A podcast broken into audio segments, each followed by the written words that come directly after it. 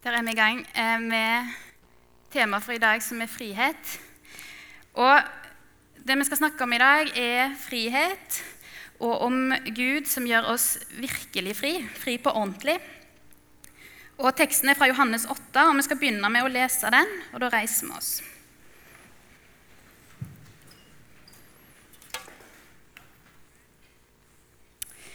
Jesus sa da til de jødene som var kommet til tro på ham.: Hvis dere blir i mitt ord, er dere virkelig mine disipler.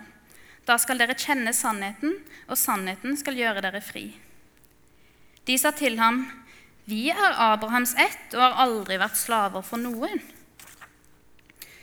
Hvordan, hvordan kan du da si at vi skal bli fri? Jesus svarte, Sannelig, sannelig, jeg sier dere, den som gjør synd, er slave under synden. En slave blir ikke i huset for alltid, men en sønn blir der for alltid. For Sønnen frigjort dere, da blir dere virkelig fri. Vi kan sette oss.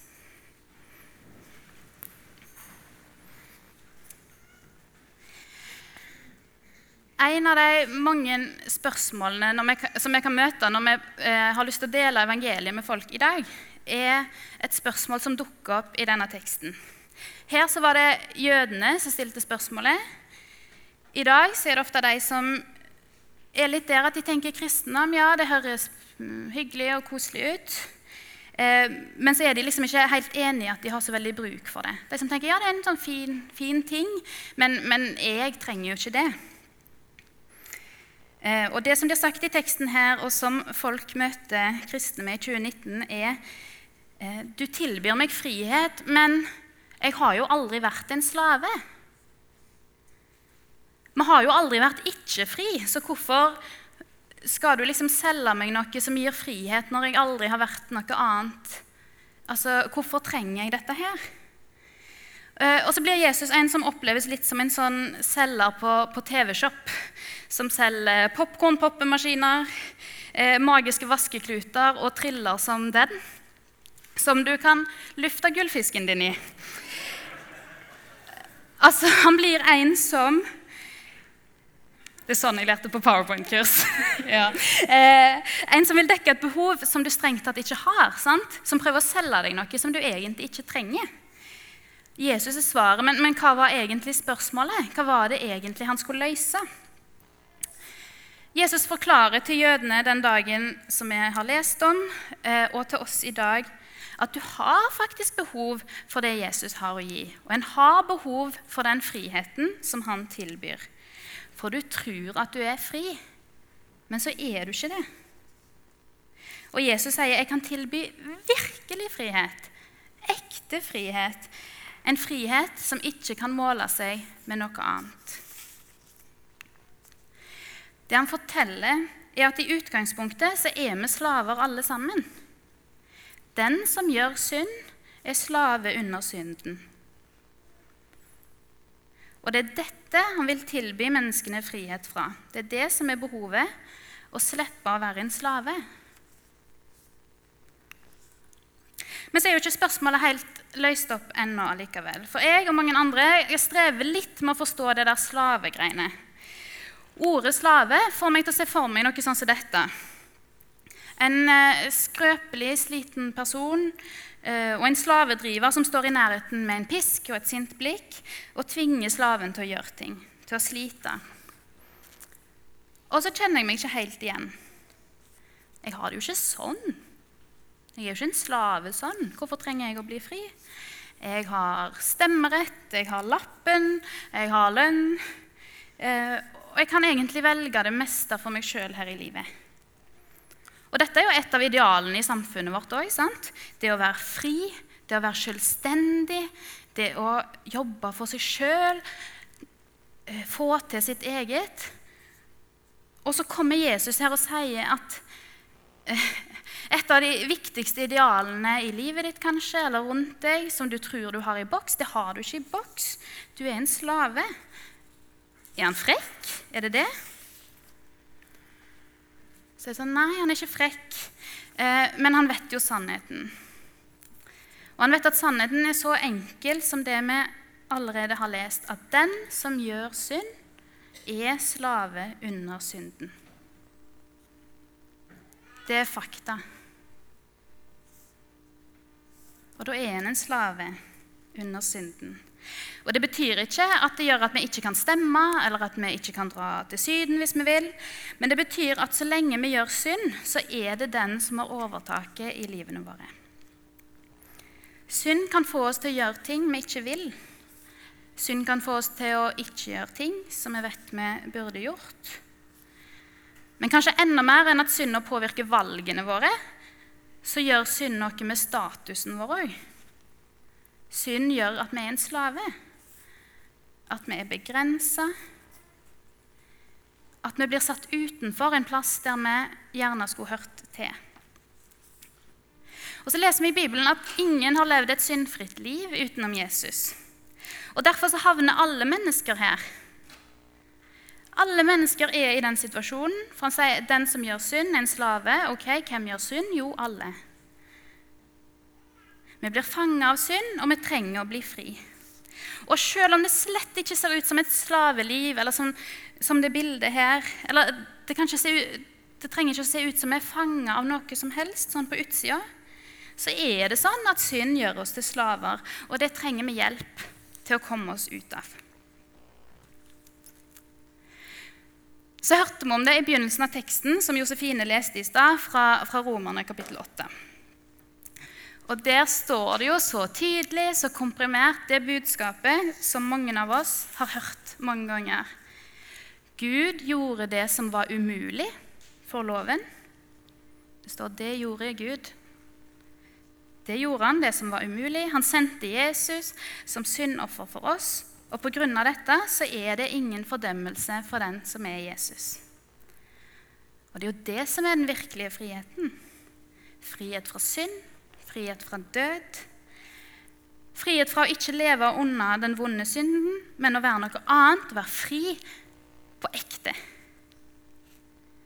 Det er det det er snakk om. Det er det som er den virkelige friheten. Da har vi kommet ganske langt. Vi har sett Jesus tilbyr frihet. Trenger vi det, da? Ja, vi trenger faktisk det, og han kan gi det. Men kommer det noe mer der? Hva så? Hvor havner vi etter det? Er det noe mer? For noen år siden ble jeg fortalt noe om dette som, som forandra bildet mitt av det å leve som en kristen ganske drastisk. Eh, det snudde opp ned på en del av de tankene jeg hadde om, om resten. Om det som kommer etter synd, slave, frihet. Og det var at Noen lærte meg at friheten vi har i Jesus, den er ikke bare, og nå sier jeg bare med veldig hermetegn, for det er veldig stort, men bare frihet fra noe. Men det er òg frihet til noe. Altså, Det er ikke bare igjen, at vi må reddes fra noe vondt, selv om det er kjempeviktig og kjempebra, men det er faktisk noe mer. Det er ikke sånn at vi blir redda til et slags sånn OK nullpunkt, til et vakuum, til noe kjedelig eller bleikt, der vi klarer oss sånn akkurat passe. Og nå sier jeg ikke at det er så mange som har forkynt til meg at livet som kristen er kjedelig og bleikt, men men jeg har kanskje tenkt litt sånn sjøl. Og jeg har iallfall møtt mange som, som, ikke er kristne, som sier akkurat det. Så sier de ting som Ja, det virker fint for deg å være kristen, men, men det er jo liksom bare for de svake, de som trenger det. Ja, kanskje hvis jeg, hvis jeg hadde blitt sjuk eller sånn, så hadde jeg jo kanskje bedt til Gud, men, men nå klarer jeg meg jo fint. Eller nei, nei, jeg kunne ikke blitt kristen. Det virker, det virker koselig, det, men, men, jeg ville liksom mer enn det med livet mitt. Jeg vil liksom ikke stoppe der og nøye meg med det. Og så tror de det, sånn som så jeg òg har tenkt, at kristen på en måte bare er å bli redda. Og så føler de kanskje at det er litt sånn nedverdigende. Og så vet de liksom ikke hva det fører til. Hva skal de gjøre etterpå? Og nå har jeg prøvd å tegne Det er på en måte en graf. sant? Og så den stripa midt på der er nullpunktet i livet, der alt er sånn passe. ingenting er spesielt vondt. Eh, men det er ikke så masse fyrverkeri heller. Og så lærer vi at vi er slaver under synden. Og det er en kritisk situasjon. Det er dramatisk, det er vondt. Da er vi der nede. Og så har jeg og mange andre tenkt at ok, Jesus sier han skal gi oss frihet. Da kommer vi oss opp til den streken. Så går det fint.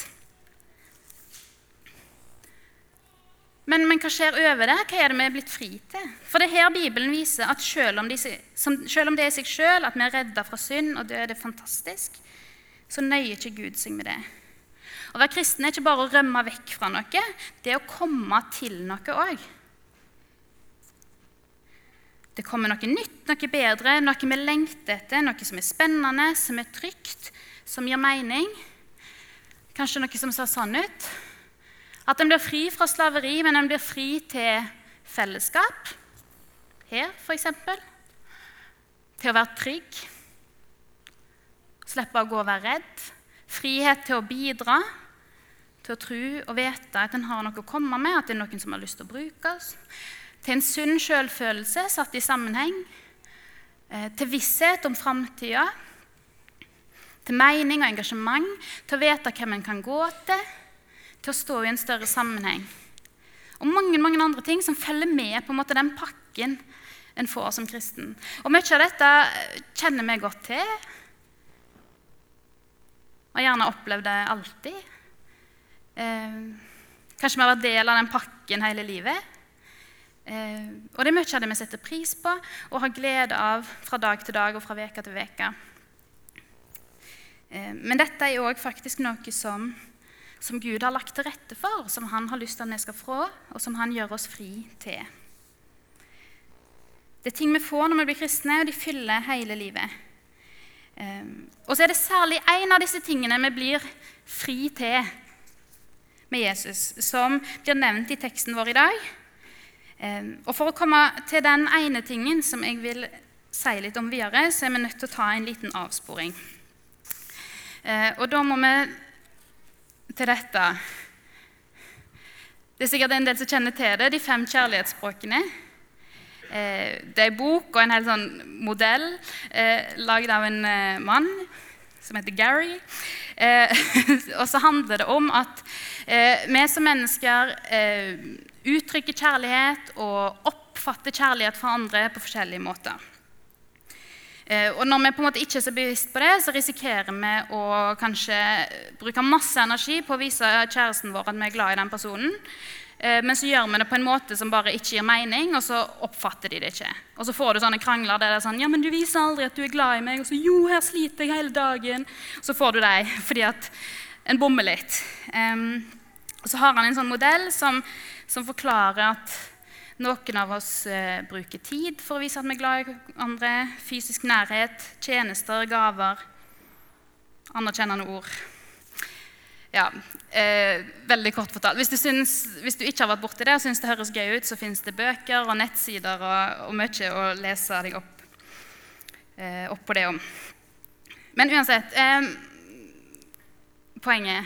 Mannen min Henrik og jeg vi har alltid vært glad i den typen eh, ting. Sånne der bøker som handler om kommunikasjon og, og sånne ting. Og Så leser vi det i lag, og så sitter vi og snakker, og så analyserer vi oss sjøl, og så analyserer vi naboen, og så, og så har vi mye eh, kjekt med det. Eh, og så eh, har vi jo selvsagt lest, lest om disse kjærlighetsspråkene. Ja. Eh, og så har vi faktisk tenkt at vi er faktisk lurere enn Gary og, og, halve verden, for vi har funnet ut at den lista med fem kjærlighetsspråk den strekker ikke til. Eh, og vi har hvert vårt kjærlighetsspråk som vi tenker mangler på den lista, som vi vil legge til. Eh, og Her er altså Nandrups kjærlighetsspråk nummer seks og nummer sju. Og det første det er mitt, illustrert av et bilde fra tiårsdagen min. Jeg er hun i midten. Eh, og det kjærlighetsspråket jeg vil lansere, det er mat. Og Min påstand er at mat ja, kan telle som et kjærlighetsspråk. Bare tenk når noen har brukt tid på å finne ut hva du liker. De har handla, de har lagd mat. De har kanskje til og med tatt oppvasken på forhånd, sånn at det ikke står gryter og er skitne. Og så får du lov å bare spise. Sant?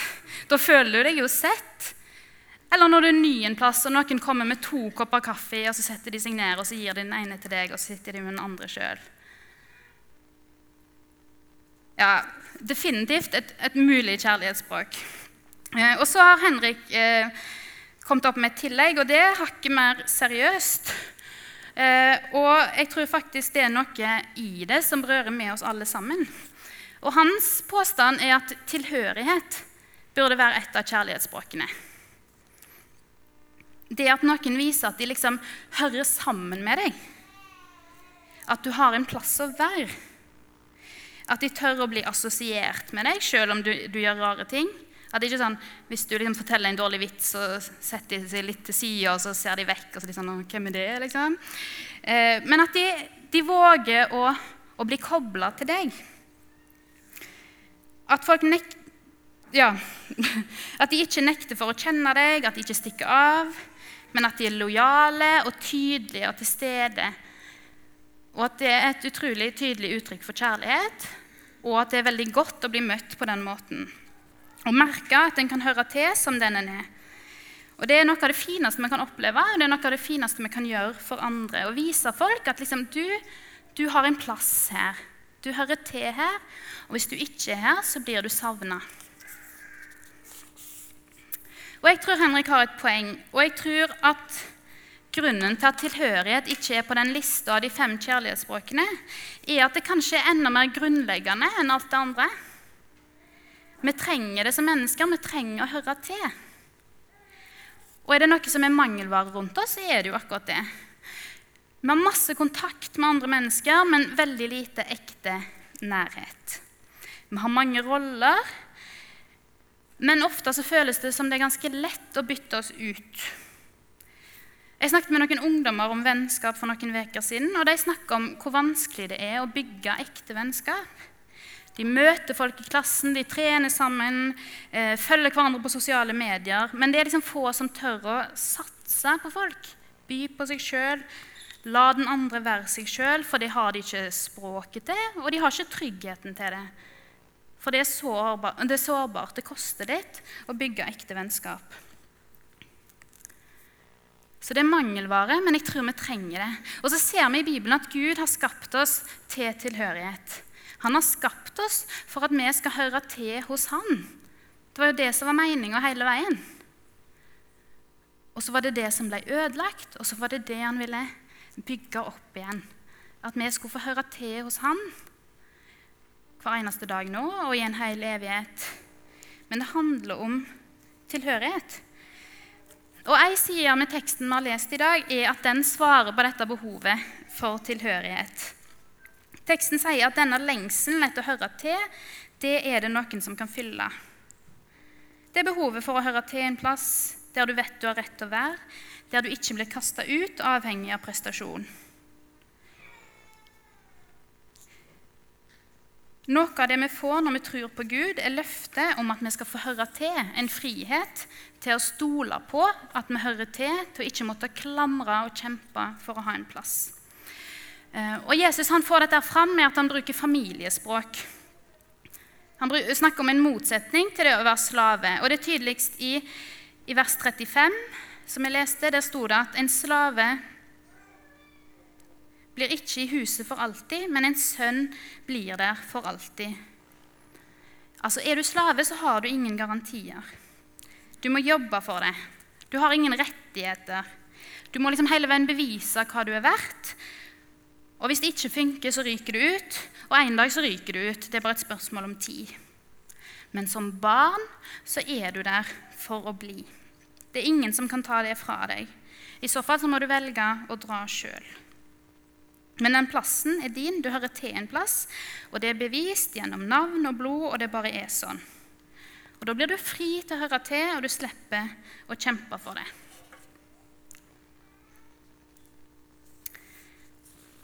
Men så stopper det ikke der engang. Du hører til, du er barn, og så er du òg arving. Paulus sa det i teksten som vi hørte fra romerbrevet. Hvis du er barn, så er du òg arving. Det å være arving er enda mer enn det å høre til. Det er et løfte der òg. Det er et løfte om noe som er garantert. Det er mange av oss som er arvinger, og vi vet jo litt hvordan det funker. Det å være arving er å ha en status allerede nå som gir deg rettigheter i fremtida. Så er du arving, så er du noe i dag, og så er du noe seinere. Du skal få noe som du allerede har, du har bare ikke fått det ennå.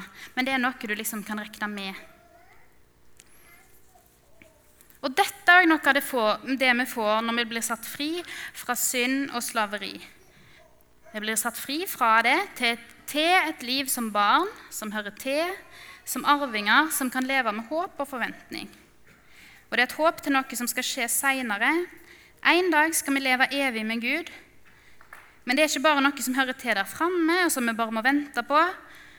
Eh, som en høstferie i Syden eller et eller annet. Nei, det er noe som er aktuelt i dag. Det er statusen vår nå. Det sier noe om oss. Kristne er sånne som har noe stort i vente, og som kan leve nær Gud i dag. Som opplever noe av det allerede gjennom bønnesvar og bekreftelser, fellesskapet vårt og som kan la hele livet bli farga av at slutten er uendelig. Så da er vi fri når vi slipper å være slaver, når synden ikke har makt over oss, og når vi vet hvor vi hører til, og hva vi lever for. Når vi vet hvor vi har retning, og hva vi har i vente. Jeg leser teksten en gang til, og denne gangen skal dere få sitte. Jesus sa da til de jødene som var kommet til tro på ham, hvis dere blir i mitt ord, er dere virkelig mine disipler. Da skal dere kjenne sannheten, og sannheten skal gjøre dere fri.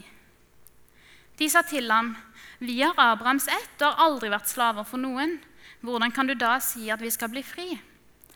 Jesus svarte, sannelig, sannelig, jeg sier dere, den som gjør synd, er slave under synden. En slave blir ikke i huset for alltid men en sønn blir der for alltid. For Sønnen frigjort dere, da blir dere virkelig fri.